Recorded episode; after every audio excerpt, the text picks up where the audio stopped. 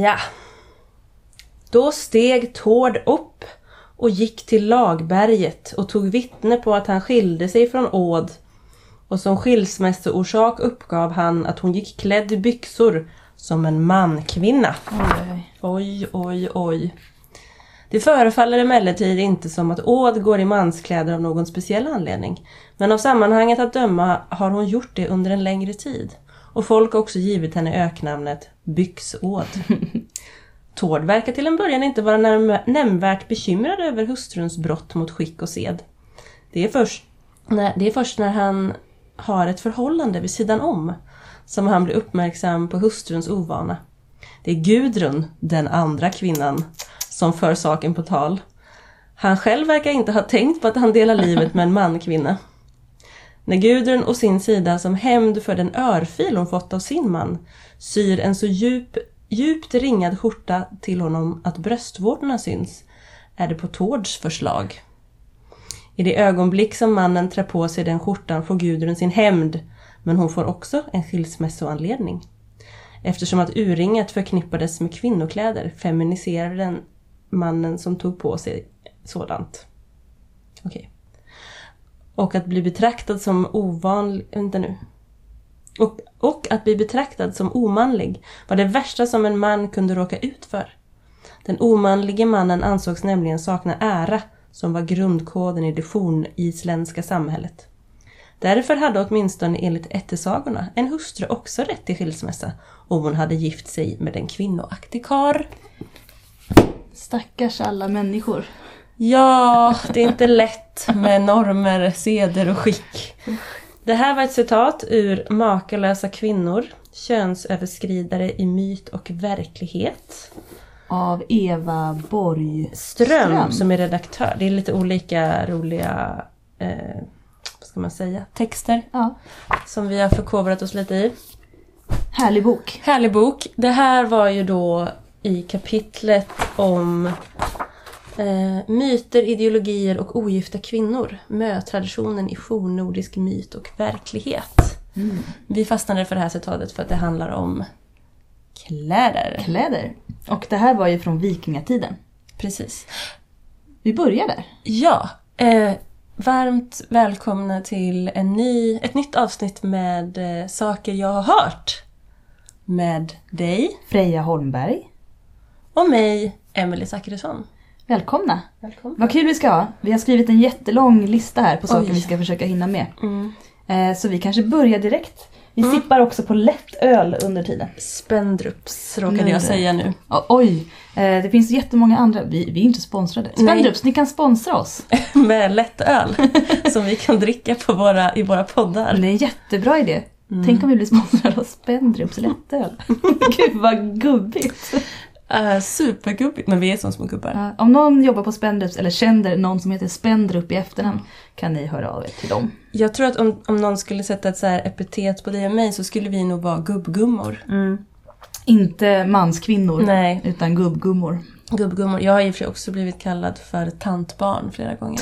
Barn. Att jag, Jag är jag är kallad- som den perfekta kombon av en tant och ett barn. Det är det faktiskt. Mm. Jag brukar kallas för farbror Frej, det säger sig själv också i, sitt, i mitt namn. Men... Eh.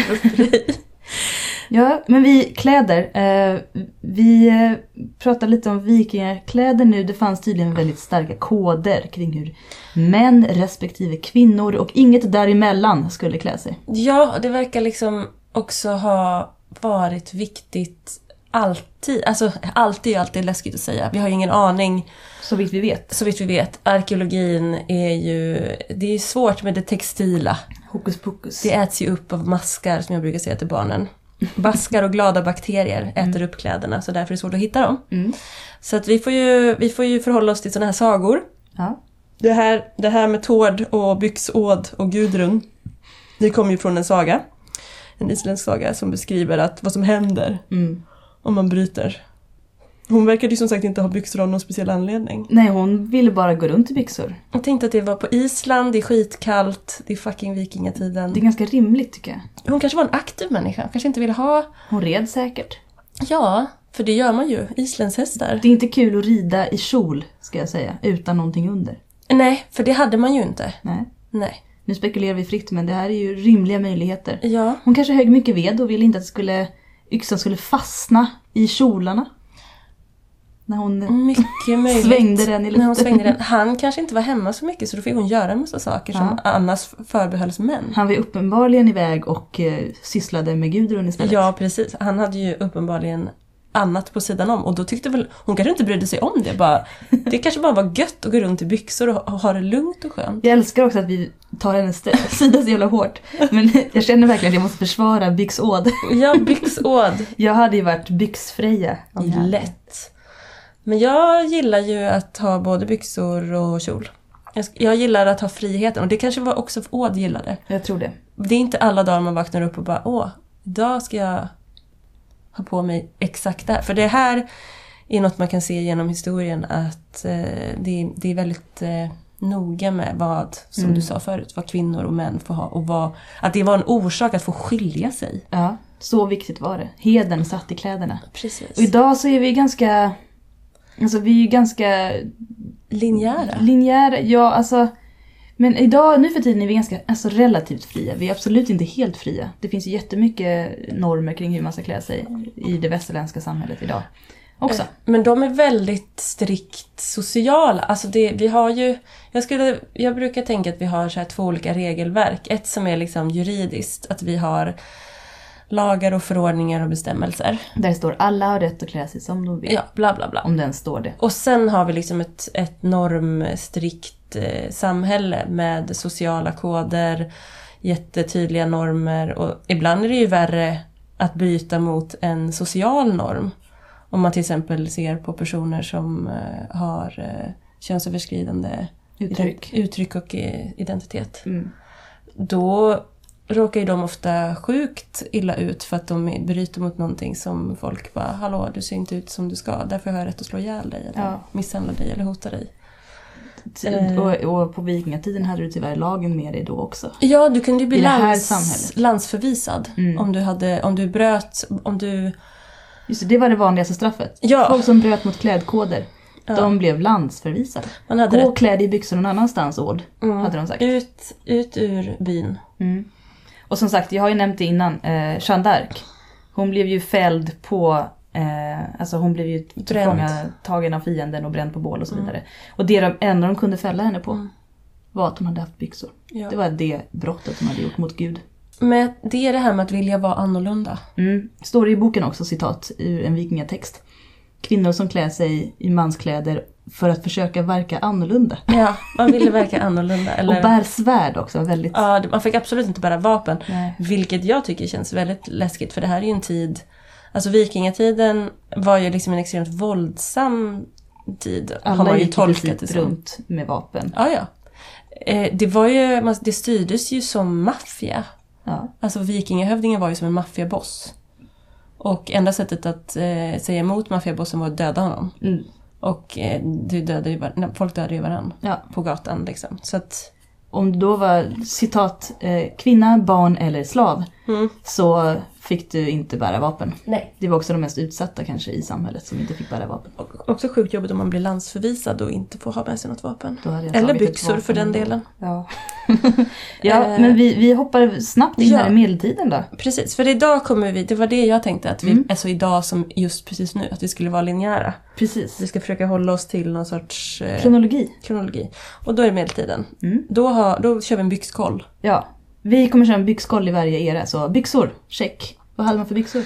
Eh, då har man ju slutat ha byxor kan man säga. Eller inte byxor som vi känner igen dem idag. Nej. Inte som någonting som sitter vid höften och hänger ner över benen. Och har en gren. Nej, precis. Nej, utan man har hosor. Vad är Eh, en hosa? Emil? En hosa är, eh, eller det, en, en hosa är liksom att man lyckas täcka ena benet med en jätte, jätte, jättelång och ganska sträv strumpa. Ja. Som man binder fast i kalsongerna. eh, för kalsonger hade, hade bros. Ja. Eh, de här hosorna, man skulle ju gärna, man skulle ju ha hosor då längst ner. Och så skulle man ha de här mystiska kalsongerna. Och sen skulle man ha en, en lång särk. Som en lång skjorta i princip. Som en jättelång skjorta och så bälte, eh, mantel, Mm. Struthätta Mm, och strutskor. och strutskor. Och alltså i princip var ju allting olika strutar. Kom Ja. fram till. Man jobbade ju med olika, att det är som tub, alltså att man liksom... Olika tuber på olika kroppsdelar. Ja, och vissa var spetsiga då som strutar och andra var lite mer vida. Mm, Som de här, eh, de här eh, skjortorna. Sen kom ju även de här typ dunjackor. Mm, Som är så här, som i, de är liksom sydda som Michelin-gubbar. ja, vet, oh, vad heter det? Eh, det påminner lite om den. Ja men det, jag har en sån, det är liksom lite, lite mjukt och sen Ja. så är det sytt i olika mönster över. Vad fan heter det? Man har liksom olika filer nästan. Heter det plid? Ja, vi får komma och kolla upp det. Men ni vet såna här typiska överklassjackor. Ja. Som har sydda olika mönster, fyrkanter i sig. Precis. Och så stoppade liksom st- stoppade rör. Ja, Vi får lägga upp någon bild på det ja, här. det är väldigt dåligt beskrivet nu. Ja, Jag känner att jag har ing- all, alls rätt vokabulär. Men det var coolt. Ja, man hade alltså långa strutar på varsitt ben. Man hade strutar eh, ja, skorna. på skorna var strutar. Och det var ju mode att det skulle vara så långa strutar att till slut fick man binda upp de här strutarna för att det inte gick att gå med Precis, man dem. fick liksom binda... Till en båge. Ja, från tån och så band man liksom ett snöre runt vaden. Precis, så att det, ja, en liten Ja. båge.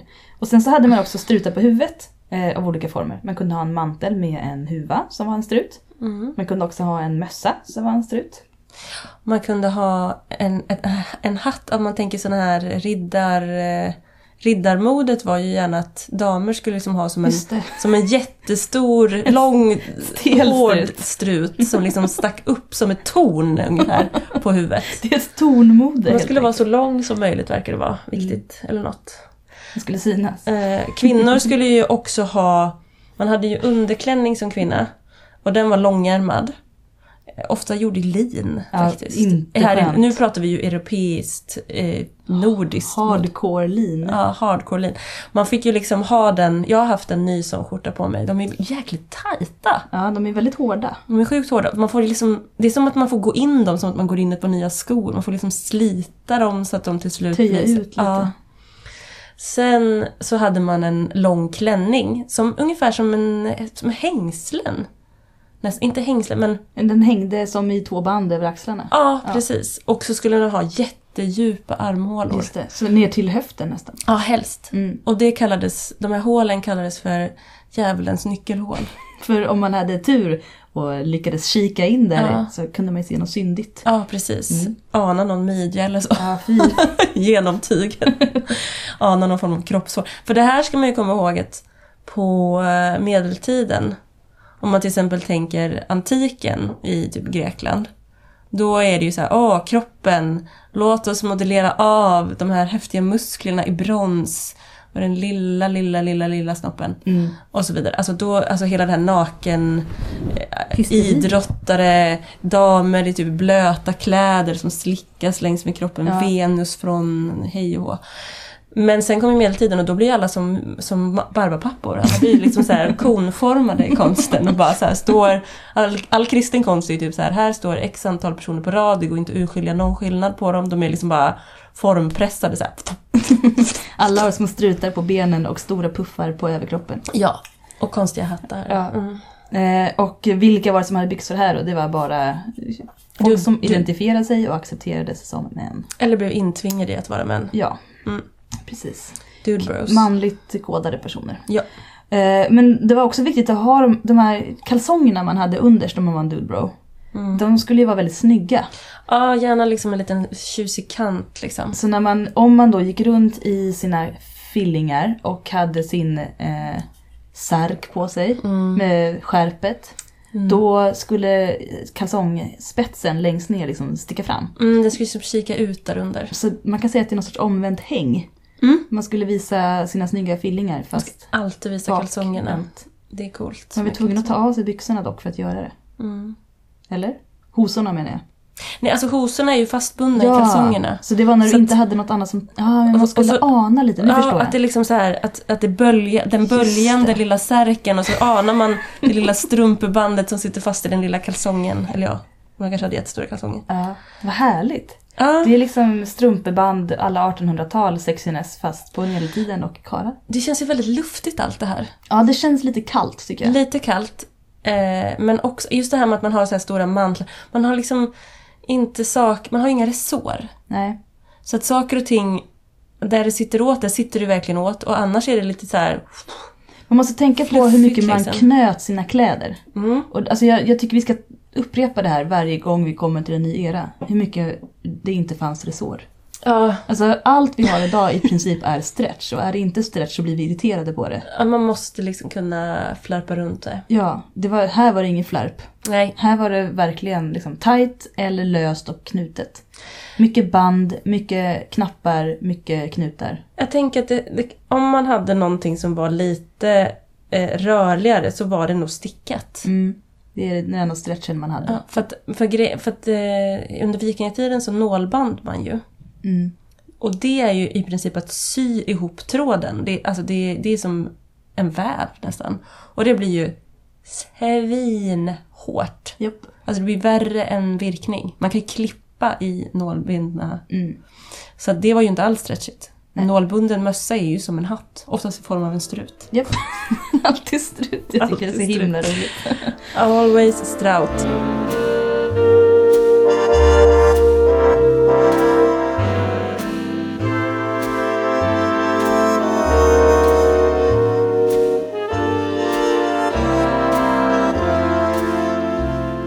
Vi såg också, nu kommer vi till 1600-talet tror jag. Ja, eller ja, precis. Övergången här. Ja, det, typ. Mm. Det, egentligen var det ju renässans däremellan. Ja, och vi hade ju lite... Det enda som jag egentligen ville nämna var ju... Men jag tror att vi har pratat om honom förut.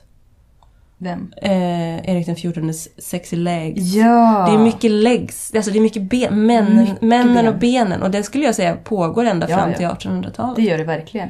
Alltså männen red ju mycket. Det var ju i princip män som tilläts rida. Det var manligt att rida. Mm. Och då skulle man rida med stigbygel. Nu var det nya heta, att rida med stigbygel. Det är helt fruktansvärt. och då skulle man stoppa fötterna i stigbyglarna och för att hålla fötterna på plats hade man klackskor också. Ja, Klackskon var en manlig sko. Eh, sen fanns det ju platåskor för damer och sådär. Men den här lilla klackskon som vi är vana vid att alla har idag, Mm. den var eh, väldigt manlig. Och eh, den var ju väldigt bra för då när man hade klack på sig så spändes ju vaderna lite grann. Och när man hade tajta byxor så syntes det att man hade snygga vader. Mm. Om man nu hade snygga vader. Men det var ju då ett tecken på att man red mycket och var väldigt manlig. Om man fick starka vader när man red. Mm. Eh, och då vill man visa upp dem, för benen ansågs vara mannens största tillgång. Och det kan jag förstå. Ja. Eh, för den, det är ju en väldigt skulptural ja, del av kroppen och man använder den mycket. Alltså den, det känns som att den har ju väldigt hög betydelse i att så här, förflytta sig. Alltså det är en kraft, kraftfull kroppsdel. Liksom. precis som att om man skulle gå på händerna så skulle man ju se bicepsen. Mm, Det är lite benens biceps kan man säga. precis. Eh, vilken bra liknelse. Benens biceps. Och än idag kan man ju jämföra med då, de, mycket av de bilder på olika strumpbyxepaket och sånt där som vi har Ja. är ju manliga modeller som har på sig strumpbyxor. För att männen har lättare ofta att leva upp till de här benidealen eh, som vi har idag än vad många queens har. Ja, Det kan vara kul att veta. Det stämmer spännande. väl inte alltid men ofta har jag förstått.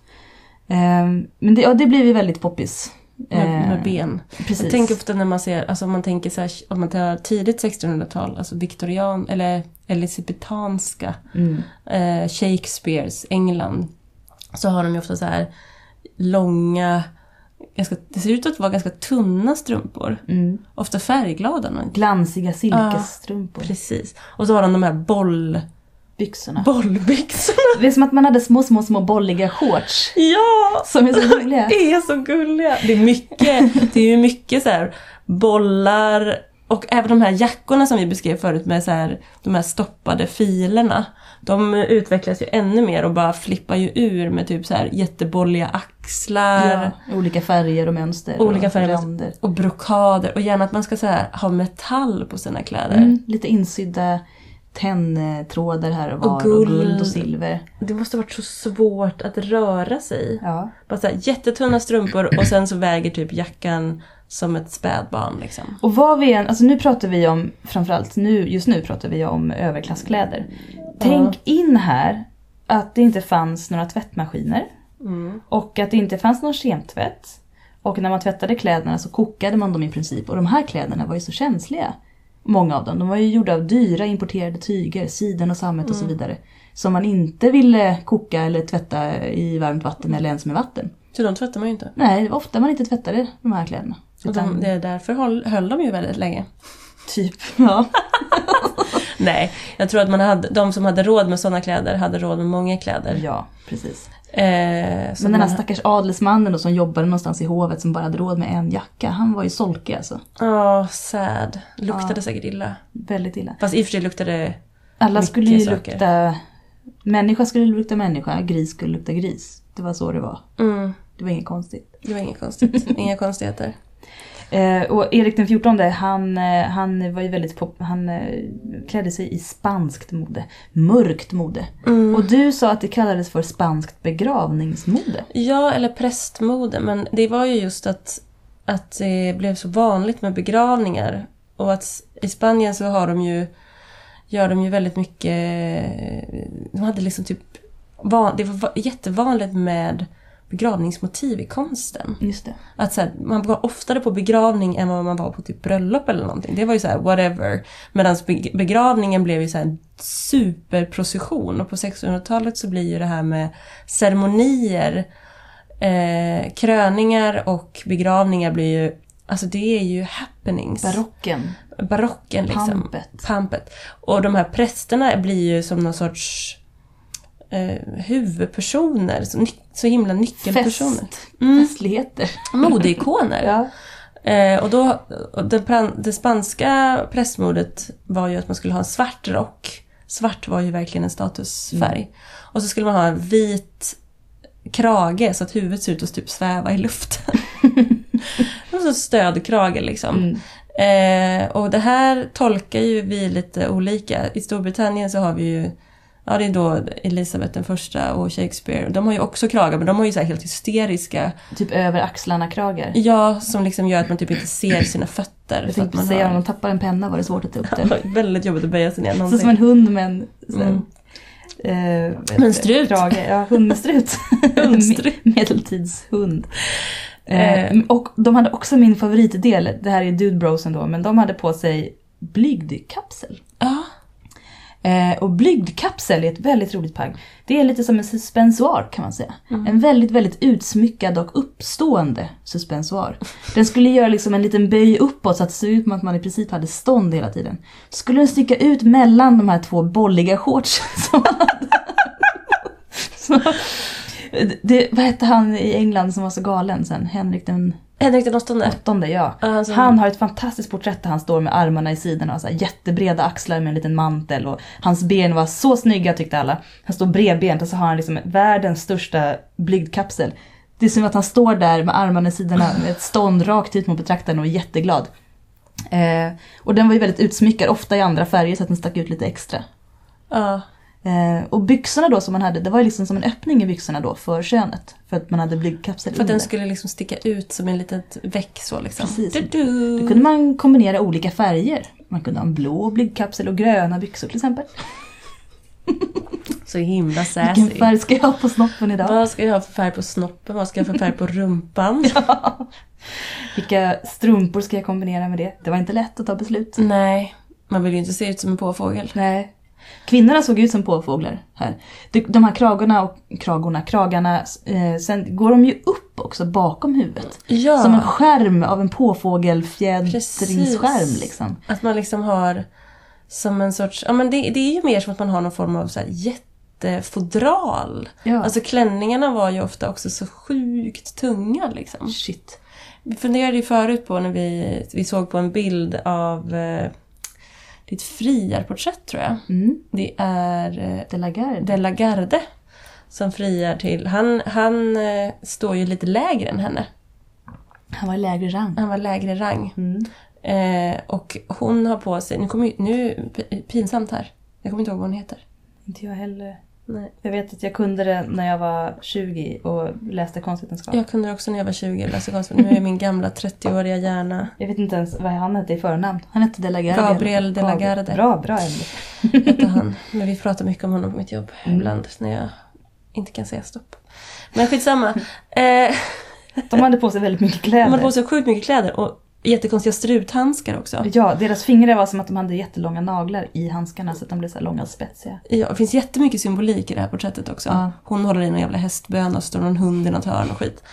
eh, vilket är typ trohet och fruktbarhet och Ja. gud vet vad. Men man försöker fundera ut på så här, hur kunde de kramas? Ja. Överhuvudtaget. För att kläderna är så stela av allt guld och tjafs. Hon har ju för sig, det, det är ändå lite senare 1600-tal tror jag. Mm. Då, de här, då man har gått från de här stärkkragarna till lite mer spets och lätthet. Men det är fortfarande så att kläderna är så oerhört överbelamrade. Axlarna är ju sydda väldigt tight. Nu för tiden vill vi ha ganska lösa axlar så man kan lyfta på armarna och dra bak och dra fram armarna. Men på den här tiden skulle ju axlarna, eller kläderna skulle ju forma din kropp så att du fick bra hållning. Så ofta så var ju axlarna lite bakåtdragna, väldigt liksom tajta, de gick rakt upp i armhålorna under. Känns inte så kul nu för tiden, man är, man är inte så van att ha så mycket i armhålorna. Då blir man väldigt svettig ganska snabbt. Men det var liksom, det skulle täcka, det skulle inte vara löst någonstans. Nej.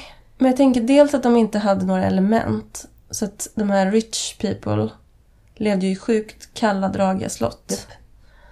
Eh, men också att de måste ha haft så himla bra hållning. I alla fall om de stod upp. Eller kunde de ens sitta? Jag tänker att de inte riktigt kunde det. Eller det finns ju stolar, men om man satte sig så satt man ju. Ja. Kunde ju inte hoppa upp och ner direkt. Inte man. hela havet och stormar. inte bra. Om man kramade så tror jag att båda ryggarna sprack på en. Ja men Det är lite min så. teori i alla Man fick liksom luta sig lite mot varandra, eller göra en air hug. Man bara, air hug! Ja, Eh, vifta lite med händerna i sidorna. alla som har sett olika kostymfilmer när ett nygift par eller ett älskande par ska ha sex så är det ju alltid att någon, de går in i varsitt rum och sen så typ klär blir de avklädda av en betjänt. Och sen ses de i sängen. Ja, Det var väl lite så kan jag tänka mig. det här är definitivt en tid då man har folk som hjälper en med allt. Japp. Om man är ri- rik. Ja. Eh, och det är ju det modet vi kommer redogöra för mest. För det är väldigt svårt att veta någonting om de här vanliga människorna. De Ja. använder ju ofta sina kläder tills de inte fanns mer. Ja, i princip. Kläder var dyrt av satan. Och någonting man gjorde själv annars. Ja, men eh, tidskrävande. Mycket tidskrävande. Att man liksom sydde allt för hand, tillverkade allt för hand. Alltså varje, alltså att man tillverkade tyg. Idag är vi så vana vid att vi har maskiner som gör det, men att väva liksom. Och att inte ha råd att köpa tyg utan bara så här, nu är det vinter. Nu fryser vi. Nu måste vi ha kläder. Då går vi ut och klipper fåren. Ja, så Fast går vi hem inte och göra. spinner ullen. Ja, eller skördar linen, Ja, slår den. slår den och tröskar den och gud vet vad. Ja, det var ett jävla helvete tror jag. Nu jag. Nu, vi har ju sagt att vi också ska prata om hattar. Ja, nu har vi kommit till en väldigt speciell punkt i anteckningarna. Det är påvens hatt. Påvens hatt. Apropå ceremonier och prästmode och gud vet vad. Ja. Eh, jo, en annan sak Mm. innan vi går vidare. Det är lite kul, tycker jag, att vi i Sverige eh, tog till oss av det spanska prästmodet. För de var ju katoliker. ja, det är faktiskt väldigt Och kul. under 1600-talet då är vi ju militant protestanter. och bedriver ett heligt krig Mot... mot katolikerna. Mm. Mot det spanska väldet till och med. Och Gustav II Adolf hatar ju dem med hetta. Liksom. Men som alltid, modet överlever vilka motsatser som helst. Det spelar ingen roll vad modet kommer ifrån, säger, betyder, whatever. Är det snyggt så ska man ha det på sig. Liksom. Medan britterna var ju också, alltså, eller engelsmännen var ju också i krig med Spanien under den här tiden. Men de, eh, De körde sitt eget race. de körde sitt eget race. De bara, whatever, svart, jag ska inte tro det. Vi ska ha guld och smaragd. Japp. Det ska vara galen panna.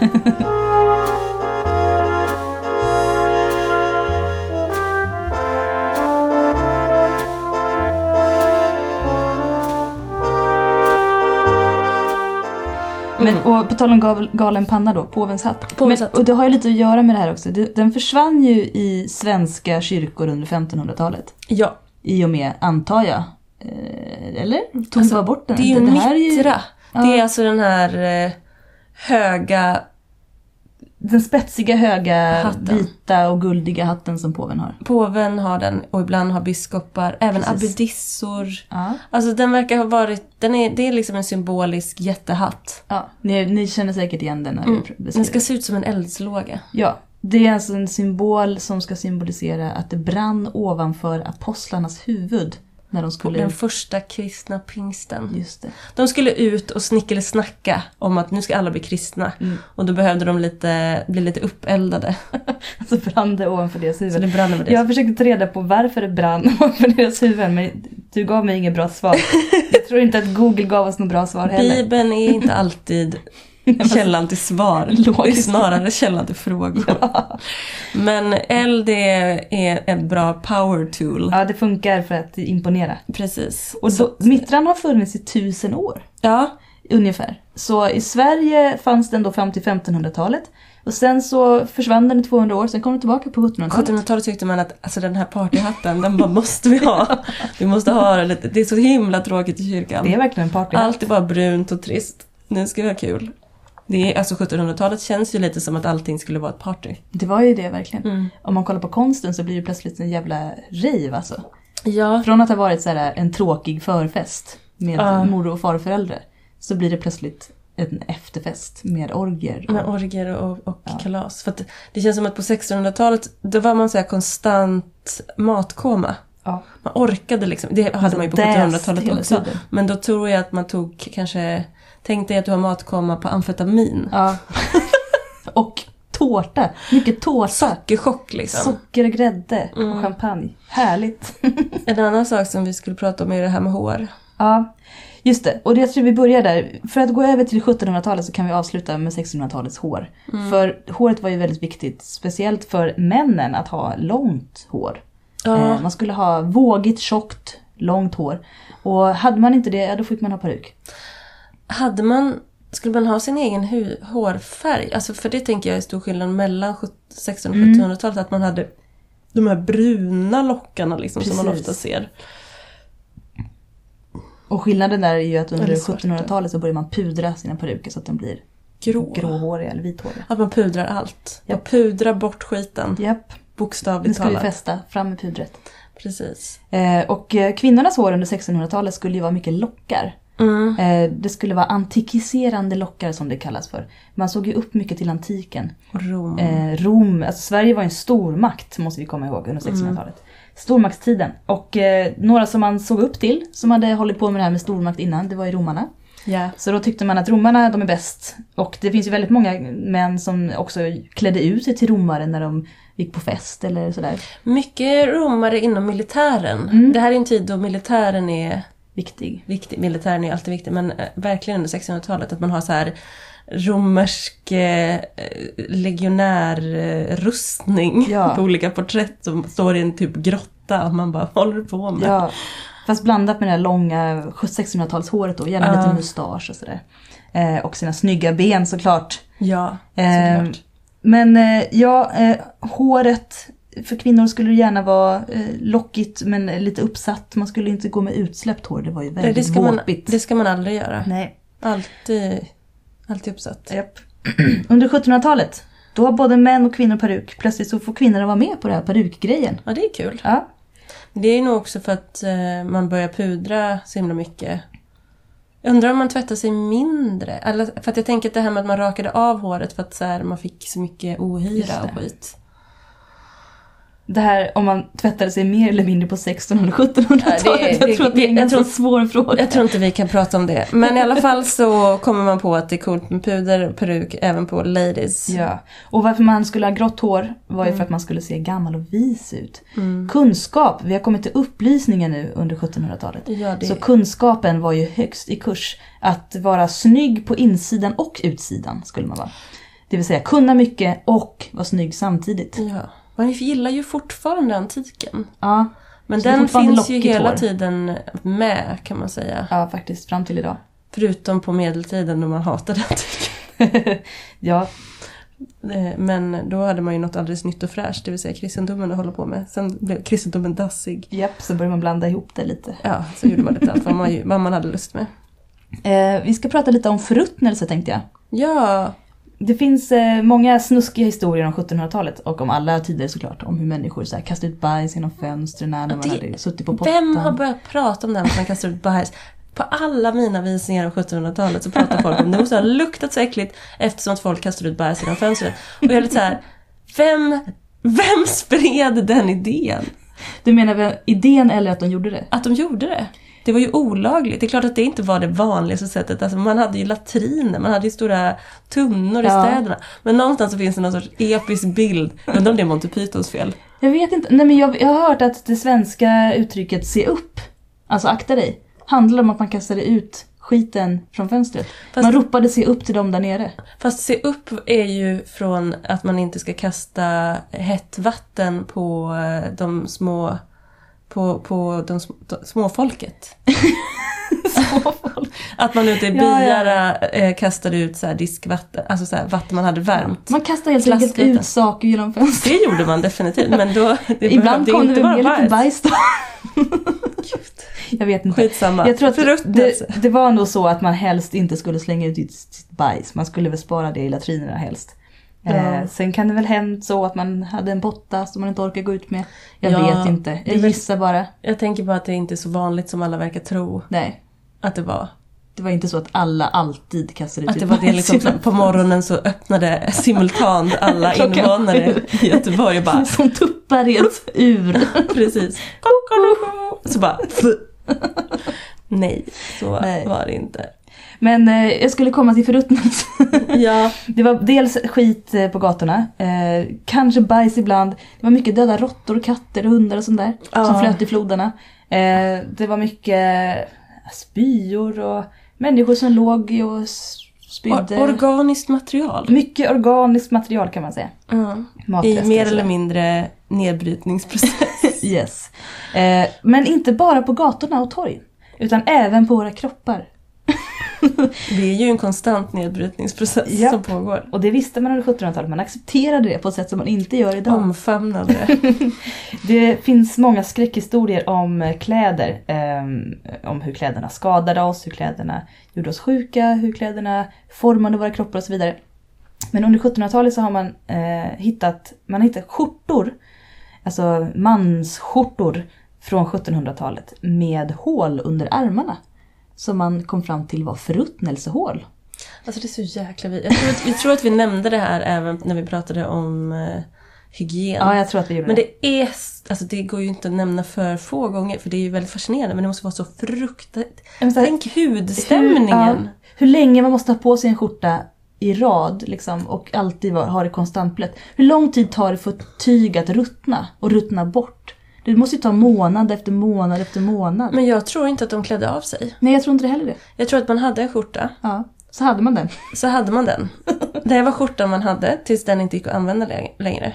Och då använder man lite till. Då använde man den lite till. Om man inte hade jättemycket pengar. Mm. Så jag tror absolut att så här, va, alltså, Och obs!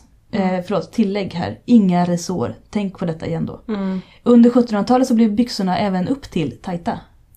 Ja, och de blev lite längre va? Mm. Ner över knät. Ja. Man har inte de här sköna, den här sköna bollrumpan. Precis. Den, den, den åker längre och längre ner. Och tajtare och tajtare. Mm. Eh, och obs, inga resår. Nej. Eh, så det måste vara många rumpor som sprack Ja. i de här fina samhälls och Jag tänker att de hela tiden gick runt som att de var lite, lite Det bajsnödiga. måste varit ganska, det måste varit lite utrymme i alla fall så att man Mm. kunde röra sig. Mm. Eh, jag vet inte. Men vi, vi gör en hattcheck också tänker jag. Ja, hattchecken på 1700-talet. Mm. Eh, man hade väl en liten, ett liten accessoar där uppe på den stora bakelseformade huvudbonaden. Här blev ju folk kreativa. Det fanns ju olika skepphattar. Det Just fanns det. olika ja, bakelsehattar och jägarhattar och olika, jag vet inte vad. Alltså man kan ju titta också på så här uniformer för även Vildsvinshattar. 1700-talet är det ju super mega coolt med, eh, Militären. med militären. Så att man har ju ett militärmode såklart där man Ja. har olika hats. Mycket trekantshattar. Min Mycket hatt tre- den har trekanter. Exakt. Mycket trekantshattar. Mm. Mm. Ehm, många vikta hörn, prydnader, fjädrar, Mm. piff paff. 1700-talet är ju också en tid för lek och skoj. Ja, När man klär ut sig till en skön person på landet. maskerad. Och har murmeldjur i små korgar. Det är ju en sån modegrej. Alltså att vara, ja om man går till kvinnomodet då. När man inte hade på sig sin, eh, vi säger så här. Du vaknar upp imorgon. Dina betjänter, om du är rik, tar på dig din korsett. Korsetten har du haft på dig varje dag sedan du var 11 eller Ja. kanske 8. Så att din kropp kan typ inte sitta upp, eh, stöta sig utan korsetten. Och sen på kvällen när du gått runt i den här korsetten och din breda klänning hela dagen så att du var tvungen att så här, sidogå genom dörrar. Då tar du av dig de här kråset och så tar du på dig en liten herdinnedräkt. Och så går du på fest som herdinna. Med ditt lilla murmeldjur i din lilla korg. och så tar du på dig din extra stora peruk. Kanske en liten blomsterbukett på huvudet. Eller en liten stråhatt. Ja, en liten stråhatt. Och så har du gärna en sån här kräckla. Vad är en kräck? Det är en sån här stav som har en liten... Ja, med en böj högst upp. Ja. En liten så här, en hedersstav. som du kan... Det är sånt, sån fruktansvärt hån mot, Ja. mot de lägre stående kasten i samhället. Förlåt. Så här lever ju människor i ett ståndsamhälle. De fyra stånden har ju stånd, skulle man kunna säga. Ja, inte alla, alla har stånden har Nej, inte stånd. de översta har stånd, de andra har ganska slaka. Bönderna, stackarna är ju längst ner. Och sen kommer borgarna. Och sen kommer prästerna och sen kommer adeln. Och det här är ju en ordning som är av Gud given. Japp. Vilket innebär att du föds där du står. Du dör även där. Japp. Att göra en klassresa var det inte tal om. Det är bara vissa få män som har möjlighet att till exempel ta olika prästyrken som vi pratade om förra gången. Mm. Men också att säga till exempel militären då. Ja, militär eller präst. Och vi- la- ladies kan ju inte gifta upp sig. Nej, bara ner sig. Bara ner sig. Härligt. Mm. Stackars alla människor, säger jag igen. Ja. ja, det är så sjukt. Ja. Men det blir värre. Ja, ja, För sen kommer vi till 1800-talet. precis. Har vi gjort en byxcheck? Ja, Ja, har vi. Jag tror det. Ja, det gjorde vi. Eh, och vilka har byxor kan vi fråga oss här igen då? Inte Queens. Nej, nej. Nej, nej. Även om man så gärna vill förknippa 1700-talet med någon form av mysig queer-era eftersom att alla sminkade sig så, så var det ju extremt hårt kodat eh, vem, vem som fick ha vad. Dels då med hjälp av eh, överflödsförordningarna. Ja, det här är en härlig regel tycker jag. Överflödsförordningarna berättade att bara personer i vissa kast fick ha vilka, vissa kläder. Ja. Eh, och kast, nu menar jag då stånden. Stånden. Att bara man var frälse, det vill säga att man ägde mark, Mm. det vill säga överklass, det vill säga typ adel, Mm. fick ha siden. Och sammet. och sammet. Vilket i sin tur ledde till att eh, om man kollar i sådana här så kallade bouppteckningar, nu kommer det en massa fancy ord. Mm. Men bouppteckningar är i princip att någon har skrivit ner allt man ägde När man när man dör. Mm. Och inte det längre går i arv. Fast även ibland när det går i arv. Ja. Och då kunde man se att sidenunderkläder, det blev jättehippt. Oh, det För förstår det- jag. Det är lite det- bättre än lin mot kroppen. Ja, dels det. Men också för att För att det syntes inte. För Ah. att hela överflödsförordningssystemet gick ut på att man satte dit varandra. Just det. Att man eh, hade höll på med angiveri. Mm. Och om man satte dit någon så fick man ta del av de böter som den personen som råkade ha en liten sidenäsduk men inte borde ha fått ta det. Härligt. Ja, En chans att få en liten extra penning. Tjalla. precis. Tjalla lite. Golare har inga polare, Emily. Men på 1700-talet, Ja, då fick de pengar i alla fall. då fick man pengar för besväret. Eh, så till exempel ehm, bönderna, de var ju tillskrivna vad, mal och lin. Ja, Eh, hårda, kliiga. jag tror Tyger. att eh, om man hade rik- alltså det började komma lite bomull. Ja, men det var ganska dyrt. Men det var dyrt. Det men var jag tror att om de kunde komma, man kunde ändå få typ så här, göra en liten väst eller någonting. Ja, Men det var också vissa färger i perioder. Att så här, just det. kjolar eh, och eh, typ väst, alltså så- de här livstyckena skulle ha specifika färger och det skulle vara så här blå och typ naturvit randigt. Alla skulle se likadana ut. Alltså det var helt psycho.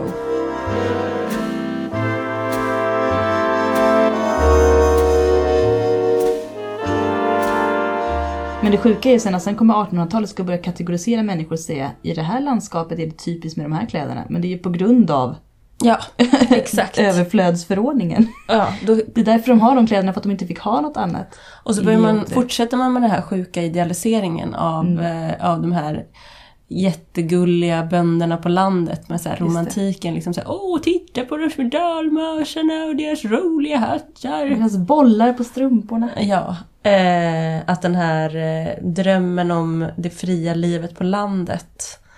Eh, som om det vore så jävla nice. Ja. Om man typ så sliter varje dag för brödfödan och inte vet att man kommer överleva vintern.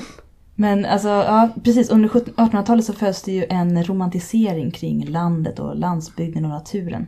Jag funderar på om det är en påbyggnad, det måste ju vara det, av den här sjuka herdinne... Hedinnekulten. Herdinnekulten. Att Rousseau-gänget Ja men det är ju en efterapning kan man Precis. säga. Ja, det man bara bygger på den. Den bara, den bara får helt fritt utrymme. Ja, känslorna.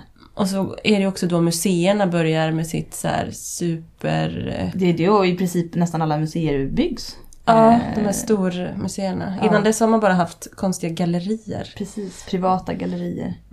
Eh, Skansen bildas under 1800-talet. Mhm. Eh, och Skansen var ju till för att visa upp för stockholmarna hela Sverige så att vi skulle få en känsla, vi säger jag, jag är i Göteborg, men så att de som bodde i stan skulle få en känsla för att de bodde i ett land och inte bara i en stad. De skulle värna om hela Sverige. Nordiska museet eh, är ju, grundas ju också. Det är ju det här huset som ser ut som Hogwarts. Just det. Harry Potter-land, jag kallar det. Där eh, Dumbledore eh, hette Herse- Her- Her- Herselius. Herselius. Eh, han åkte ju runt och krängde diverse, han skulle ju rädda allmogekulturen.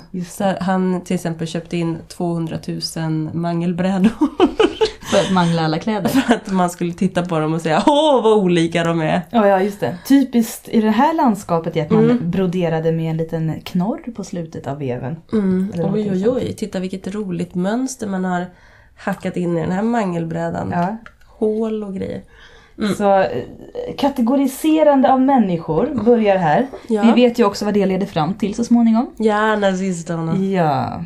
eh, eh, det här är nationalismen som föder, föds också leder ju fram till samma sak. Eh, allt gick fel på 1800-talet har jag som teori. Ja, Om vi bara hade gått från 1700-talet till liksom 1900-talet, hoppat över 1800-talet. Jag undrar verkligen hur vår tid skulle se ut. du menar att vi hade sagt fuck you till industrialismen? Ja, ingen, eller i alla fall inte det kapitalistiska utsugandet. Jag säger, nu väljer jag gottebitar. Ja, jag förstår. Ja, Att man kanske hade, att, att man liksom hade kommit in i, i industrialiseringen på ett annat sätt. kanske mer småskaligt, jag vet inte. Att man liksom hade fokuserat på så lokalt så här. Precis.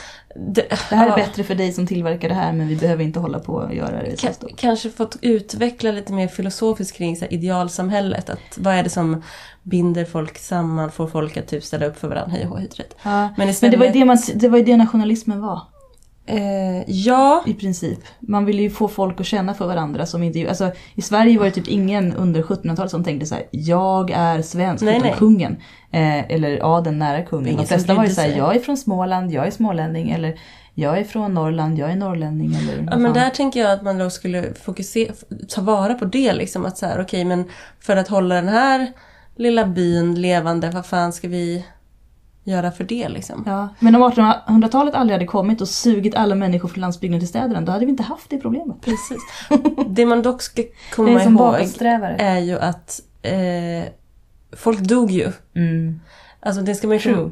På 1800-talet, nu kommer vi off track här, men Ja. kommer ju liksom olika mediciner, alltså det är allt, man kan ju som allt, aldrig eh, skala bort Vi allt. har kastat ut barnet med badvattnet Ja, kan man säga. Om ja. vi hade kastat ut 1800-talet. Eh, men ur klädessynpunkt så är det ju ett vansinnig tid. Ja, och Det hur- börjar ju i och för sig väldigt gulligt med empiren. Just det, det är faktiskt Där, där gulligt. alla går runt i så jättetunna klänningar då, och, och typ så här som är i princip, ja, det är så kul att kolla på sådana satirteckningar när man så här hånar varandra. Mm, Att alla ser ut som att de typ är nakna fast de har så här tunna, tunna slöjor. precis. Det ser jättekonstigt ut. Och sen, Sen, sen kommer da, det, da, da, da. jag tror att det är det viktorianska eller? Mm. eller? Ja, och då blir det åtstramat, det Mm. blir tjockt, det blir tajt, det blir strikt. Ja. Eh, men för alla verkligen.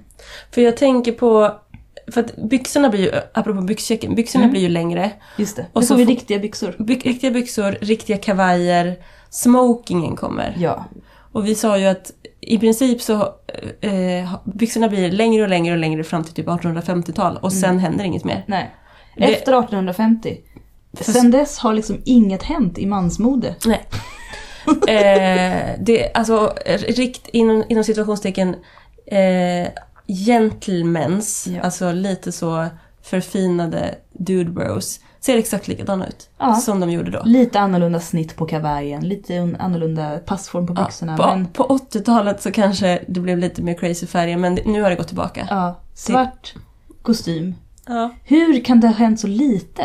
Men de, det, de är ju, de, på 1800-talet så blir ju män eh, förvägrade typ kreativitet. Alltså, Ja, de de, är ju alltså, stympade. det är det här jag liksom. menar, allt gick fel. Mm. Och alla, alltså alla de här vetenskapliga idéerna om könens fördelning och så vidare har ju förstört, alltså vi håller ju på, vi har kämpat i nästan hundra år att försöka liksom vända det här tillbaka.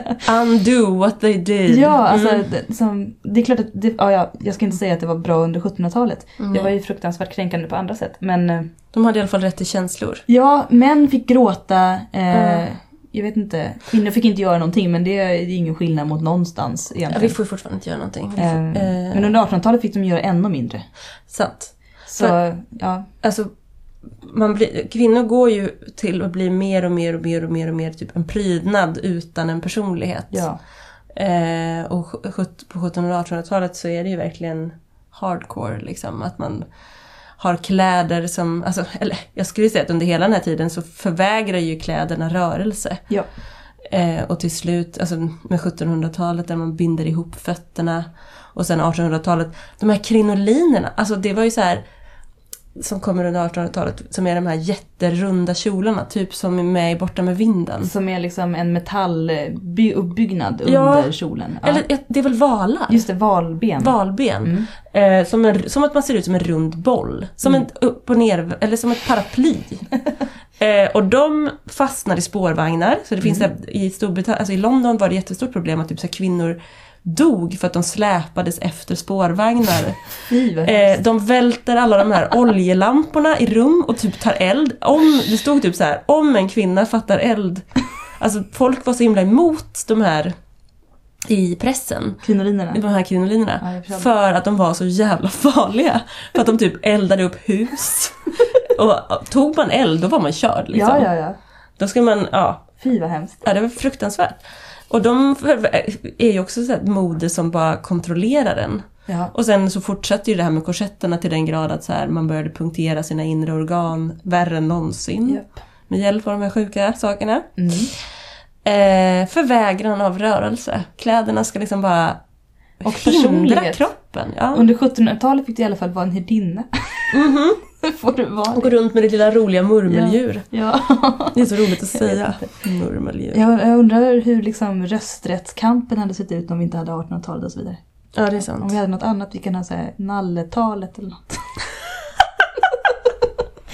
vi tar en liten paus i historien. Vi bara, Och sen plötsligt är vi 1900-talet igen. och så boom har allting, allt är bra hänt. Plötsligt har vi penicillin. Allmän skolgång och Potatis, alla får äta sig mätta Ja. någorlunda och sådär. usch. Eh, ja, 1800-talet är ju en, en så smutsig... Ja, det är kragar och hattar har vi skrivit. Ja, hattarna var ju också helt galna. Ja. Men hattarna är alltid galna. Men vi kan ju sammanfatta att hattar har liksom alltid burits fram till idag i princip. Ja, 1900-talet. Då slutar folk bära hatt. 60-talet. Ja. Sent 60-tal. Så, alltså, det är väl egentligen först under 70-talet som hattar mer och mer börjar försvinna. Är ur mode liksom. Och, och vi är så himla upprörda över att eh, främ, alltså, inom situationstecken då, främmande kulturer, andra kulturer har täckta huvuden. Alltså, förlåt mig men det, Ja. det, finns... Det är klart som korvspad att vi har haft täckta huvuden. Kvinnor har ju täckt sitt huvud i hundratals, tusentals år i Sverige. Ja. Alltså med chalett. En Ja. sjal, det vill säga slöja. Mm. För att visa sin liksom oskuldsfullhet eller dygd på något sätt. Ja, att man, att man var liksom... Hår, hår är ju laddat. Mm. Jätte, jätteladdat. Det vet ju vi, det är därför vi har klippt av det. Ja. Kortisarna. Ja, det fick man ju inte heller göra. Man fick Nej. inte klippa av sig håret på Nej. vikingatiden. Usch. Då var man en eh, man, man-kvinna. Man, kvinna. Kunde bli landsförvisad. Ja. Vart hade vi åkt då? Då hade vi åkt till Island och befolkat som de första manskvinnorna. Ja, och bara styrt upp det där jädra stället. Ja. Nej. Nej, jag hade nog åkt till Haiti. Som, Som Gauguin. som Gauguin och bara Härligt. Aloha! Tahiti. Tahiti. Tahiti. Åkte inte han till Haiti? Var är Haiti? Ja, Jag vet inte. Okej. Ja, eh, paus där, vi visste inte. Jo, det är nog Haiti. Ja. Får att det var en till på T? Ja, jag str- Nej, det, det nej, jag tror att det är Tahiti. Ja. För Haiti är ju ja, det är ju andra där de havet. har, eh, där, de, där man har voodoo. Precis, Haiti är ju Det, det enda, lyck, enda lyckade slavupproret. Ja, just det.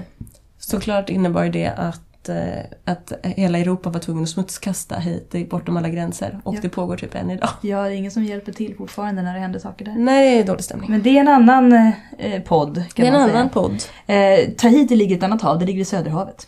Ja. Dit åkte Gauguin. Men dit hade vi också åkt då om vi var Ja. utlandsförvisade. Och bara gått runt i så här sköna, mysiga kläder.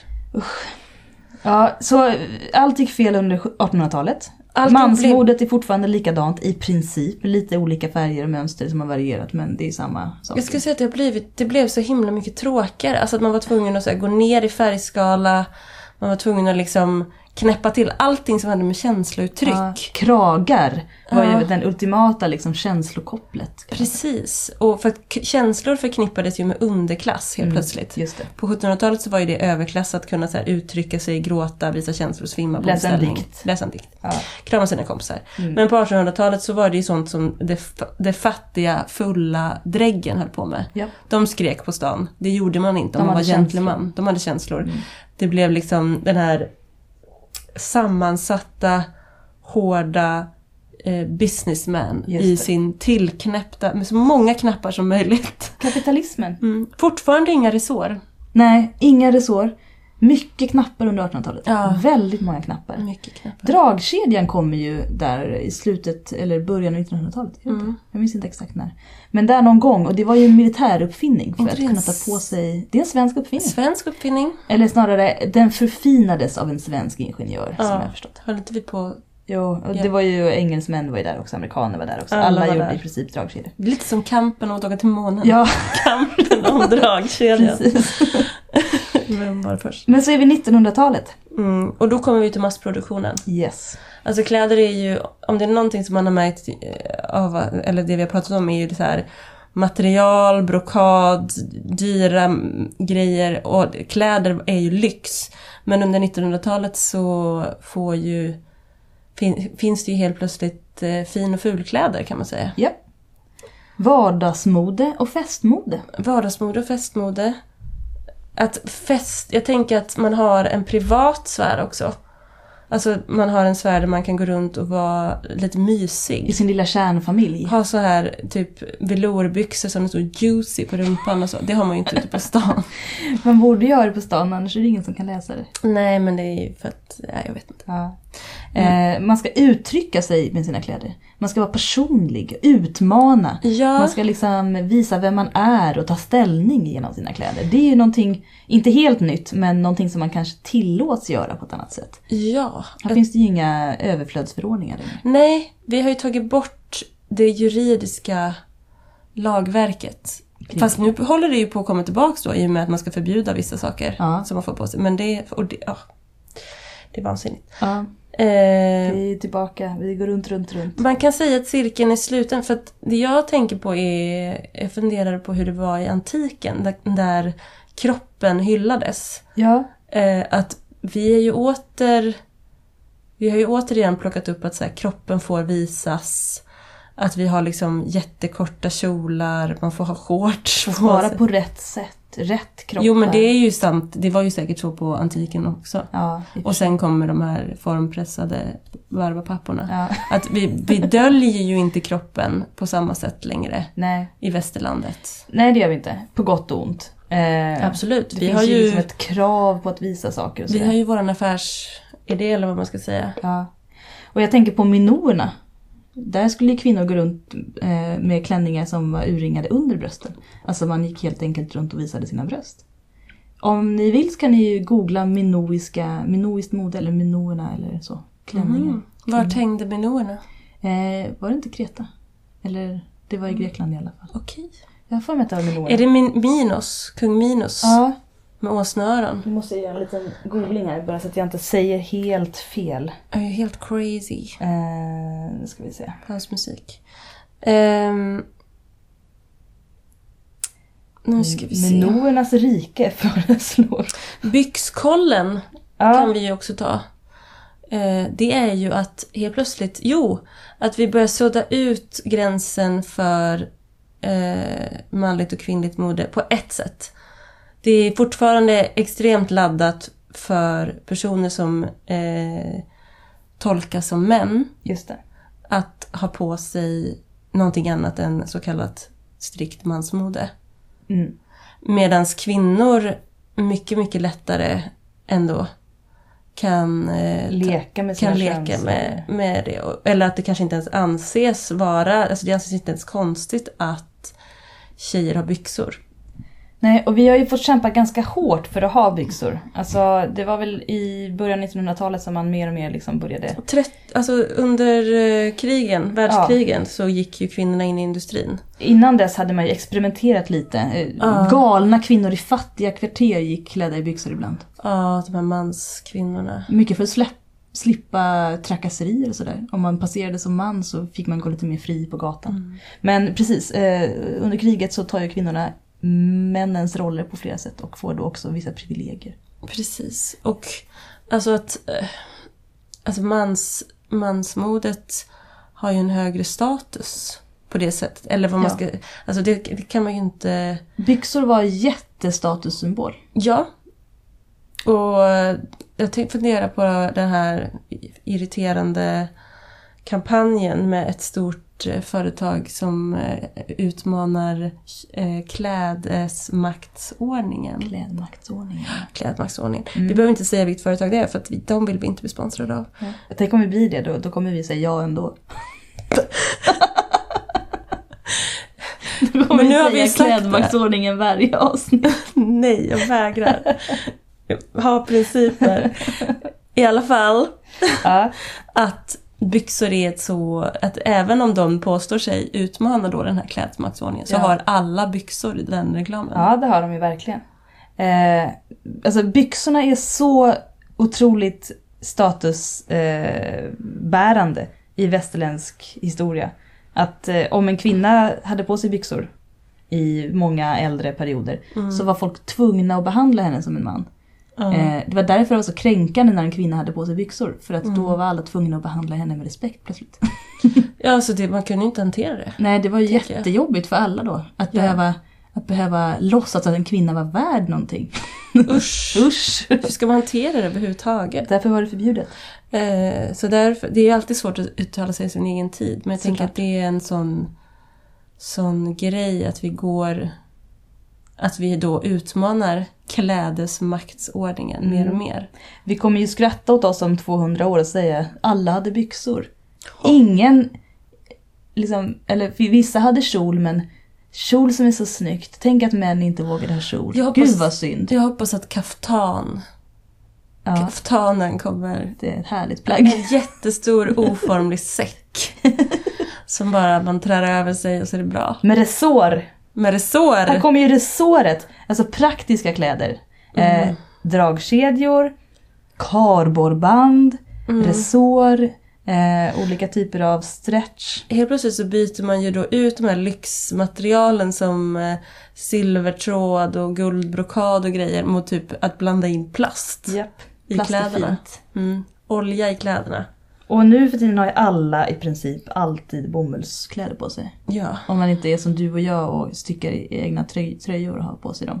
ja, alla lever ju i bomull. Ja. Eh, Men bomull, alltså alla jeans precis. är ju bomull. De flesta tygskor, eh, tröjor, kepsar och så vidare. Strumpor, underkläder. Mm. Allt är bomull nästan. Mm. Om det inte är plast typ. Precis. Eh, ska vi... Ska vi runda av det här Ja. kalaset? Jag känner att vi har hållit på ett tag. Du hade en väldigt bra slutpunkt här. Paradiset. Ja! Att kläder väldigt mycket handlar om en manifestation av makt. Japp. Och ordning och reda. Och då tänkte jag på, tänkte jag på Bibeln. Ja, ja. Det gamla testamentet. Som man så gärna dra- sig till minnes. Ja. Eh, och då kom jag att tänka på det här med Adam och Eva som går runt och är så nakna och fria. Att, Härliga. att den stora domen är kläderna. De blir fördömda. Det är straffet. Det är straffet, att de helt plötsligt upptäcker att de är nakna och att de bara Oh my god, vi har kroppar. De är jättekonstiga, fan vad jobbigt, blä blä blä. Och så tar man på sig ett fikonlöv och drar. Och så, ja, och så, och så börjar de skyla sig på olika sätt. Ja. Och att kläder då är liksom en sorts... Det är hur samhället och normerna kontrollerar oss. En symbol för de normerna som vi är bundna till. Ja, väldigt, Syndens näste. väldigt, väldigt mycket. Och ett sätt, ett, en ur, ett, ett ursätt att kategorisera oss och låsa oss till olika uppgifter och bestämmelser och idéer om vad vi som människor ska hålla på med. Det ultimata straffet. Det ultimata straffet, kläderna. Kläderna. Det slutar så. Tack! Ska vi gå med i en eh, nudistförening efter det här? Absolut, Ja. börja hänga på na- Men du hänger ju redan på nakenbad. jag är väldigt mycket naken av mig. Bada alltid naken. Ja. Eh, tack och hej. Chilivipp. Leverpastej.